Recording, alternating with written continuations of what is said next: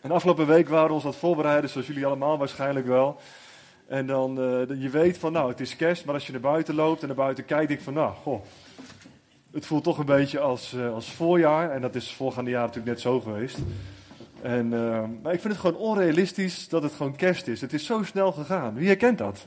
Dat je echt denkt van, wow, weer een jaar voorbij. En wat heeft het jaar je gebracht, hè? En, um, nou, we zijn nog met z'n allen gezellig hier. En straks dan uh, gaan de meeste van jullie uh, waarschijnlijk uh, bij familie of vrienden of buren op bezoek lekker eten samen. Dat is ook goed. Maar als je even goed beseft van, het is alweer een jaar voorbij. Een jaar geleden stonden we hier ook voor een aantal van jullie en anderen waren op andere plekken. En, um, en wat heeft het jaar ons gebracht? En dat is voor ons allemaal anders. En um, als je terugkijkt op een jaar en dit zijn van die mooie momenten dat je denkt van ja, wat, wat is de afgelopen jaar allemaal gebeurd? En het kan zijn dat je hele mooie dingen hebt meegemaakt, dat je leven verrijkt is op sommige plekken. Hè, en dat je, dat je misschien vriendschappen erbij hebt gekregen, nieuwe mensen hebt leren kennen, er is nieuw leven ontstaan. Hè, uh, maar er kunnen ook allemaal moeilijke dingen zijn geweest. Je kunt, mensen zijn verloren. In, in vriendschap kun je mensen verliezen. Bij overlijden kun je mensen verliezen. Um, je, je kan gezakt zijn voor je school, je kan je schooldiploma gehaald hebben. Er is in een jaar ontzettend veel gebeurd. Het is goed om af en toe eens terug te blikken van, ja, wat heeft mijn afgelopen jaar nou eigenlijk gebracht? He? En uh, waar, waar, waar sta ik nu eigenlijk? En heeft dit jaar me gebracht wat ik had verwacht? Of heeft God nieuwe dingen gedaan? Heeft God, grote dingen gedaan? Of zijn er nog verwachtingen die mogen uitkomen? En uh, als ik even terugkijk naar ons eigen leven, een kleine terugblik van afgelopen jaar. Dat was uh, met name, stond het in het teken van de, van de grote projecten en de persoonlijke doorbraken. We afgelopen jaar hebben we verbouwd bij ons thuis. En uh, nou, ik denk dat we vijf maanden bezig zijn geweest. We hebben twee maanden buiten gewoond. maar het was goed weer gelukkig. Ja? We hebben het overleefd zo te zien. En er waren heel veel lieve mensen die hebben voor ons gekookt en hebben eten voor ons gemaakt. En uh, dus we zijn in maart begonnen met de tuin verbouwen. En daar zijn we drie maanden bezig geweest, denk ik, kleine drie maanden. Toen zijn we twee maanden uh, binnen bezig geweest. Nou, ons huis was echt net een grot, er stond echt niks meer in. En uh, toen dat net was afgerond, toen kreeg ik een nieuwe baan. Dus afgelopen uh, vijf maanden ben ik bezig geweest om mijn autorijschool af te bouwen. En afgelopen week is het helemaal afgerond, ik ben hartstikke blij, halleluja. ik heb 16 jaar een rijschool gehad voor de mensen die het niet weten. Dus allemaal grote projecten, maar ook persoonlijke doorbraken. En God heeft op hele bijzondere manieren afgelopen jaren tot ons gesproken. Um, uh, echt zo accuraat. En binnen 24 uur kwam ook gewoon uit wat God zei. En ik heb persoonlijke doorbraken mogen ontvangen. Dus als wij de balans opmaken van ons leven afgelopen jaar, was gewoon. We voelen ons echt gezegend. Hè? En, en zo zal het voor iedereen anders zijn. Iedereen zal terugkijken op zijn leven afgelopen jaar. Wat anders is gegaan dan je misschien had gedacht. En Misschien heb je ook verwachtingen voor het aankomende jaar. Maar misschien ben je ook wel teleurgesteld en denk van nou, uh, als ik kijk naar wat afgelopen jaar mij gebracht heeft, hoe zal dan aankomend jaar eruit komen te zien? Ons leven gaat in pieken en in dalen, ook als je met God leeft. Maar kerst is het geluid van het, van het hoop. Kerst is geluid van hoop. En um, kerst is een feest wat Jezus geboren is. En uh, daar gaan we vandaag ook over hebben, uiteraard. En we gaan inzoomen wat dieper inzoomen om wat er nou om kerst heen is gebeurd. Want iedereen kent wel het kerstverhaal, hè? Jezus die geboren is in een stal. En, nou, en als je daar niet te diep naar kijkt, dan denk ik van nou, best een leuk verhaal. Hè? Maar uh, kerst is, is zo'n rijk en bijzonder verhaal. En het is zo door God geregisseerd en, en gedirigeerd. En ja, we ontkomen er niet aan de dag gewoon op, op in te zoomen. Eigenlijk is kerst al begonnen um, in het paradijs, net na de zonneval van Adam en Eva, heeft Jezus, is Jezus al aangekondigd en God heeft al gezegd, er zal een verlosser gaan komen. Er zal een kind geboren worden en de Satan zal verslagen worden. Dus bijna 6000 jaar geleden is eigenlijk al God gelijk begonnen met te spreken over de toekomst dat Jezus zal gaan komen. Vervolgens zijn er in het Oude Testament um, meer dan 400 profetieën geweest over het lijden en sterven van Jezus. dat Jezus dus geboren is, is niet toevallig of een samenloop van omstandigheden. Het is heel duidelijk door God georganiseerd en gedirigeerd naar de komst van Jezus en naar het lijden en sterven van Jezus. En ook de geboorte van Jezus staat op diverse plekken ontzettend nauwkeurig beschreven in het Oude Testament. Er staat precies beschreven hoe Jezus geboren zou worden, waar hij geboren zou worden, hoe ze hem zouden noemen. En zijn hele leven is gewoon gepland. De komst van Jezus is gepland. En ook de geboorte in een stal was gewoon gepland. Er was niks wat toevallig was. En dat is heel bijzonder. En dat maakt ook dat het kerstfeest ook een geluid van hoop geeft. Een hoop in een wereld die donker is, die misschien ja, momenteel ook vreemd beweegt. Er gebeuren allemaal dingen in de wereld. Onze christelijke identiteit van ons land, onze bijbelse normen en waarden staan onder druk. En ik heb afgelopen weken ook mensen uit het Europarlement gesproken. Dat krijg je als je een nieuwe functie hebt, dan krijg je af en toe wat leuke mensen te spreken.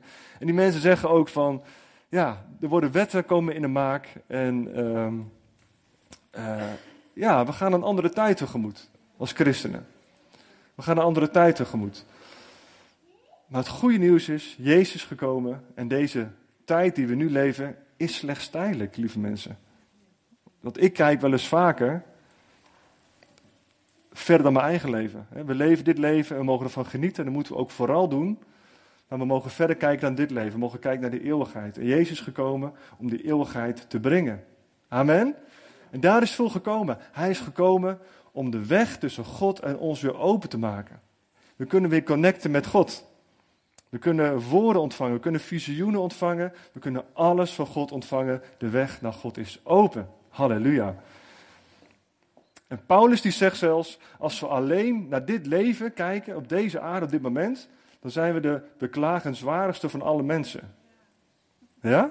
Dus als we alleen naar je omstandigheden nu kijkt, dan ben je de beklagenswaardigste van alle mensen, zegt Paulus. Nou, dat zal ik hier niet zeggen, maar ik herhaal, ik herhaal hem even wel, ja? Het is gewoon, het is, het is zo goed om af en toe even uit te zoomen van, wat gaat ons nou, wat staat ons nou te wachten? Hè? En waar zitten we nou eigenlijk in? We gaan uh, met elkaar even lezen naar een zeer welbekend kerstverhaal. Maar ik ga daarna ga ik er wat dingen uithalen die je misschien nog nooit zo gelezen had of zo gehoord had. Die gewoon heel bijzonder zijn. Matthäus 2, vers 1 tot 23. Jezus werd geboren in Bethlehem in de provincie Judea. Koning Herodes was toen aan de bewind. In dezelfde tijd kwamen er enkele magiërs uit het oosten naar Jeruzalem. Waar kunnen wij de pasgeboren koning van de Joden vinden? vroegen zij. Want we hebben een ster zien opgaan die daarop duidde. Wij zijn gekomen om hem, om hem eer te bewijzen. Toen koning Herodes dit hoorde, schrok hij erg en de hele stad met hem. Hij riep de leidende priesters en de Bijbelgeleerden bijeen en vroeg of ze wisten waar de Christus zou worden geboren. In Bethlehem, antwoordden zij, in Judea. Want de profeet Micha heeft geschreven: Bethlehem in Judea, u bent beslist niet de kleinste onder de leiders van Juda, want u zult de geboorteplaats zijn van een leider die een herder voor mijn volk zal zijn. Herodes liet de magiërs in het geheim bij zich komen. Nadat hij precies had uitgezocht wanneer zij de ster voor het eerst hadden gezien, liet hij hen gaan en zei: Ga naar Bethlehem en zoek het kind. En als je het hebt gevonden, kom dan terug om mij er alles over te vertellen. Want ook ik wil hem eer gaan bewijzen. Dat was natuurlijk een leugen. Dus hij wilde het kindje doden. Nadat ze de koning aan hadden gehoord, reisden de magiërs verder. Tot hun verrassing ging de ster die ze hadden zien opgaan voor en uit en bleef stilstaan boven het huis waar het kind zich bevond. Toen ze dat zagen, werden ze enorm blij. Ze gingen naar binnen en vonden het kind en zijn moeder Maria. Vol eerbied knielden ze voor hem neer. Ze gaven hem kostbare geschenken: goud, wierook en mirre. Maar ze gingen niet via Jeruzalem naar hun land terug. God had hen in een droom gewaarschuwd niet bij Herodes langs te gaan. Daarom kozen zij een andere weg. En nadat zij waren vertrokken, verscheen aan Jozef een engel van de Heer in de droom. En die zei: Vlucht met het kind en zijn moeder naar Egypte.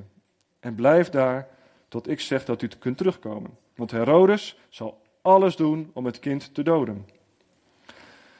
Jozef stond meteen op en vertrok nog diezelfde nacht met Maria en het kind naar Egypte. En hij bleef daar tot Herodes gestorven was. En daarmee werden de woorden van de profeet Hosea werkelijkheid. Uit Egypte haalde ik mijn zoon. Herodes werd woedend toen hij ontdekte dat de magiërs hem misleid hadden. Hij gaf de opdracht om in Bethlehem en de hele omgeving alle jongens van twee jaar en jonger te doden. De magiërs hadden namelijk gezegd dat het ongeveer twee jaar geleden was dat zij de ster voor het eerst hadden gezien. En zo gebeurde wat de profeet Jeremia al lang geleden had gezegd. In Rama wordt luid gehuild en gejammerd. Rachel, Rachel huilt om haar kinderen en wil zich niet laten troosten, omdat er niet meer zijn. Na de dood van koning Herodes zag Jozef in een droom opnieuw een engel van God. Hij zei, ga met het kind en zijn moeder naar, terug naar Israël. Want de mensen die hem wilden doden, zijn gestorven. En Jozef ging met zijn gezin terug naar Israël. Hij durfde echter niet naar Judea te gaan, dat hij had gehoord dat, dat Herodes' zoon Archelaus daar nu de macht in handen had. In een droom zei God tegen hem naar de provincie Galilea te gaan. Daar gingen ze wonen in de stad Nazareth. Dat klopte met wat de profeten hadden voorspeld. Hij zal een Nazarener worden genoemd. Nou, wat een verhaal hè. Lees het gerust thuis nog even rustig door.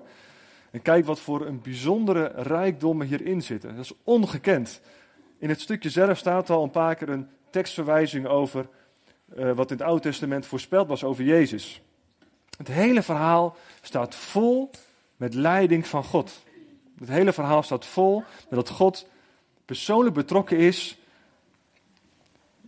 bij de geboorte van zijn zoon Jezus. Het is niet zomaar toevallig, het is duidelijk geregisseerd. En we gaan er gewoon even bij langs. We gaan even een aantal punten bij langs. En ik heb daar zin in. Maria, die, uh, Maria en Jozef waren dus niet getrouwd, maar Maria was zwanger. Dat gebeurt natuurlijk heel veel, dat eh, mensen nog niet getrouwd zijn met elkaar, maar dat de vrouw zwanger blijkt. Nou, en wat zeg je dan? Hè? Wat zou Maria nou gezegd hebben tegen Jozef ter verdediging? ja, ik ben zwanger van de Heilige Geest. Zou, Jozef dat geloofd hebben? Zou Jozef geloofd hebben dat, dat, dat Maria dus zwanger zou zijn van God? Ze waren nog jong, ze waren tieners en uh, ze zouden gaan trouwen. En in één keer blijkt uh, Maria zwanger en het was niet van Jozef. Jozef van nou, ik ben, ik ben belazerd. Ik denk dat hij dat dacht. Ik denk van nou, Maria die heeft, die heeft een scheve schaats gereden. Hoe zou hij zich gevoeld hebben? Hoe zou hij, hoe zou hij gedacht hebben? Zou hij van plan zijn geweest om Zouden, ze ruzie hebben gemaakt met elkaar? Zouden ze boos zijn geweest op elkaar? Zouden die met verwijt hebben gegooid? Ja, ik dacht dat je van me hield en je bent vreemd gegaan, dan ben je zwanger. Ja, maar ik ben echt zwanger van de Heilige Geest, is echt waar. Weet je wel, ja, come on, wie zou het serieus nemen? En uh, Jozef die dacht erover na om te gaan scheiden. En wat ik nu zeg, dat is allemaal maar gefantaseerd. Ik weet niet hoe het gegaan is, niemand weet dat, weet je wel. Maar je kan je, kan je gewoon voorstellen dat, dat dat soort dingen misschien best gebeurd zouden zijn. Want Jozef en Maria waren gewoon hele eenvoudige, normale mensen, net als wij. Ze waren niet hoogverheven, hele bijzondere mensen. Door hun roeping waren ze bijzonder, maar het waren gewoon normale mensen met gewone emoties. Dus ja, wat zou Jozef gezegd hebben toen hij dacht dat Maria zwanger was? In elk geval, wat duidelijk is, is dat Jozef van plan was om te gaan scheiden. Hij dacht van, nou, dit gaat niet goed. Ehm, als dit nu al zo begint, dan kan ik maar beter vertrekken. En God grijpt in. God grijpt in. Een engel wordt gestuurd naar Jozef. En die engel zegt tegen Jozef: Jozef, je vrouw is daadwerkelijk zwanger van de Heilige Geest. Je vrouw is daadwerkelijk zwanger van de Heilige Geest. Blijf bij haar. Ze is niet vreemd gegaan. Je kan gerust met haar trouwen. Ze is een oprechte vrouw. Een engel wordt gestuurd. God grijpt in om die twee bij elkaar te houden. Wat een bijzonder verhaal. Dan komen de wijzen uit het oosten. Omdat ze een ster hebben gezien. En die ster, die gaan ze volgen. En die ster die blijft straks ook boven de, uh, de stal staan waar Jezus, waar Jezus geboren is. Nou, ik, heb ik ben geen sterrenkundige, helaas. Maar ik heb even een klein beetje gegoogeld. Heeft iemand enig idee wat de doorsnede van de aarde is? Hoeveel kilometer dat is?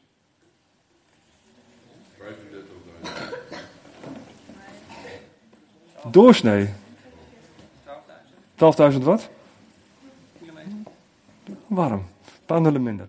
De doorsnee van de aarde is 12 kilometer. 12.000 meter. Ja, 12.000 uh, of 12.000 kilometer. Ja, wat zeg ik nou? Wat zei 12, 12, nee, 12.000 kilometer. Ja, klopt, ja. 12.000 kilometer. Ja, de doorsnede van de aarde is 12.000 kilometer. Oh. Ik, ben, ik, kan nooit wiskundeleraar worden. Dat zal niks voor mij worden. Oké. Hoe groot is de kleinste ster? Wat is de doorsnee van de kleinste ster? 12 kilometer. Iemand enig idee? De doorsnee van de kleinste ster die ze dus hebben waargenomen is 144.000 kilometer. Dat is de kleinste. Ja? Dus de aarde is 12.000 kilometer en de kleinste ster is doorsnee 144.000. Nou, hoe groot is dan de grootste ster die ze hebben waargenomen? De doorsnee.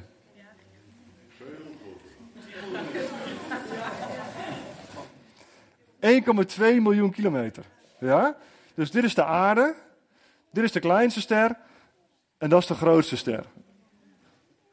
Om eventjes de bizarheid van dit verhaal te illustreren. Ja? Dus de wijzen uit het oosten die zien een ster. En zij volgen die ster.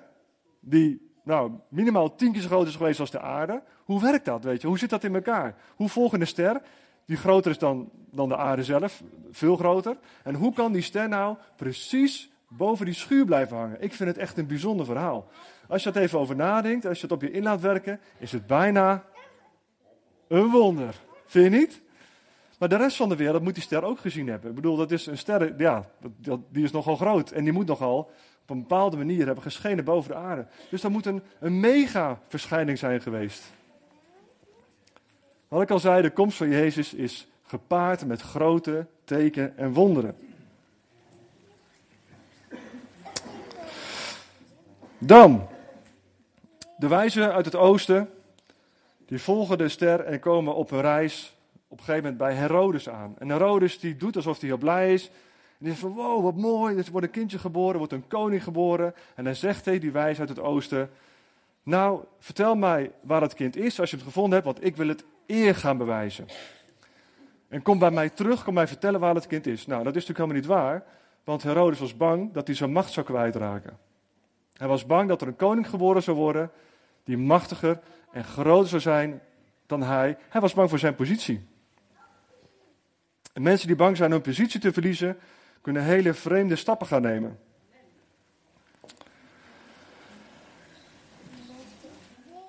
En de tweede keer in de geschiedenis worden kleine jongetjes uitgemoord om de geboorte van de Messias tegen te gaan. De tweede keer. De eerste keer is in Egypte. Ja?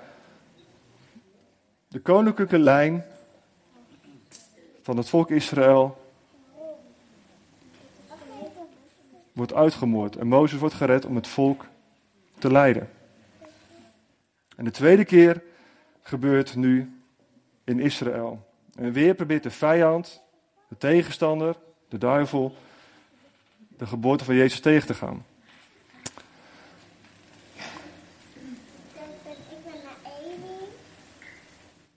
Maar weer grijpt God in.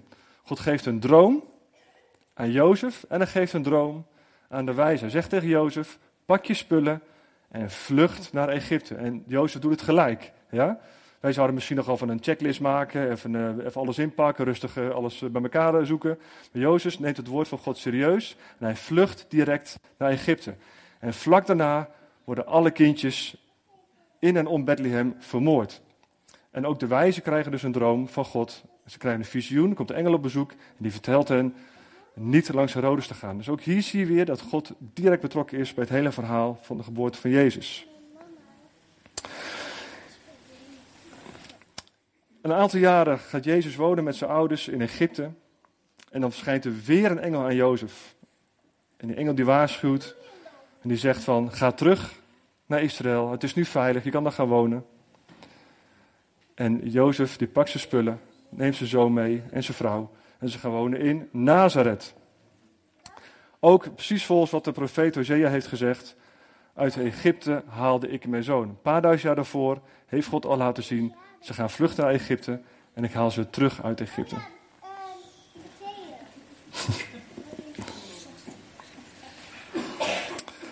nou, dit is even een kleine compilatie van wat, wat God allemaal gedaan heeft om de geboorte van Jezus mogelijk te maken. Het begint al in het paradijs. God spreekt leven, God spreekt hoop. Hij zegt: Oké, het is misgegaan in de mensheid. De mens wordt nu gescheiden van God, moet op afstand leven van God. Maar ik ga zorgen voor de oplossing. Ik ga zorgen dat, er, dat er nieuwe hoop is. Ik ga zorgen dat de mensen weer dicht bij mij kunnen komen.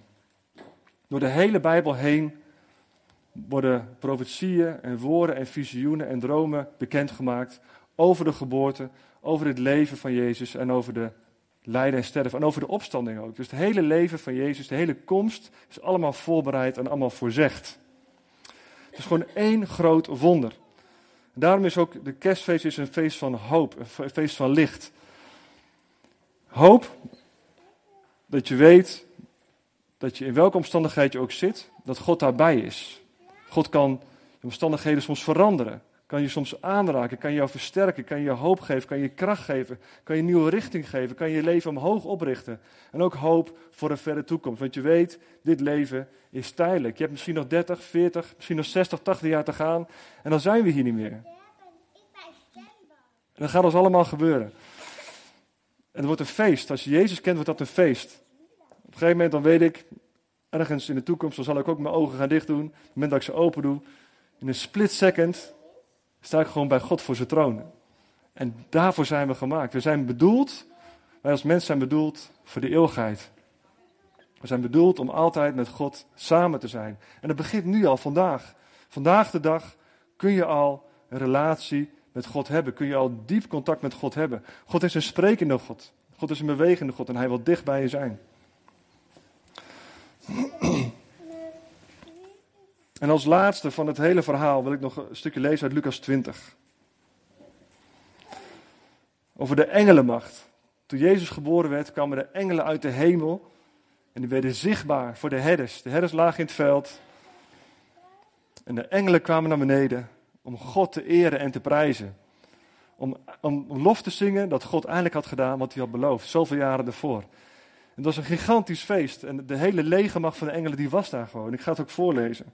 Het is een zeer bijzonder verhaal. Iedereen kent het wel. Maar als je er op, op inzoomt, dan denk je van man, wat een nacht.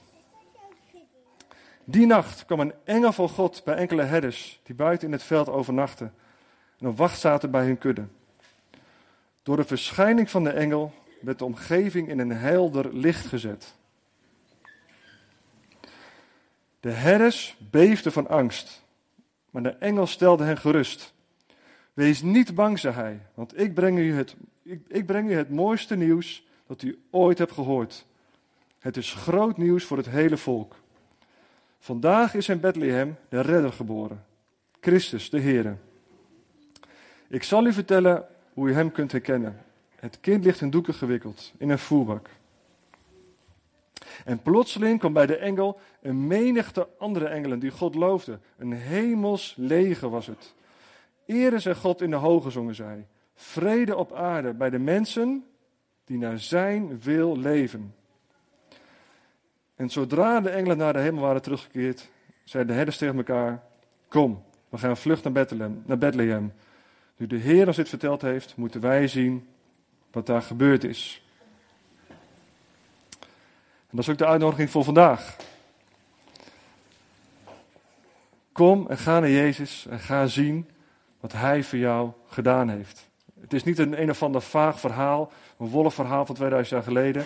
Het is een, is een verhaal van 6000 jaar, haarscherp uitgezet, haarscherp uitgevoerd. Met als resultaat dat wij vandaag de dag met God kunnen leven. In Gods nabijheid kunnen zijn. In Gods stem kunnen verstaan. Met God communiceren. En wetend dat er altijd iemand is die van je houdt en voor je klaarstaat. En met wie wij de eeuwigheid mogen vieren. En dat wens ik jullie allemaal toe, deze kerst. Ik wens jullie toe dat je een hele gezellige tijd hebt met elkaar, lekker eten en drinken. Maar bovenal een ontmoeting, een persoonlijke ontmoeting met die Jezus. Die geboren is met kerst, gestorven is aan het kruis, opgestaan is en de levende God is. Hij leeft en regeert. En we vieren zijn geboorte en we vieren ook zijn dood. Gek is dat, hè? En opstanding vieren we zeker. Amen.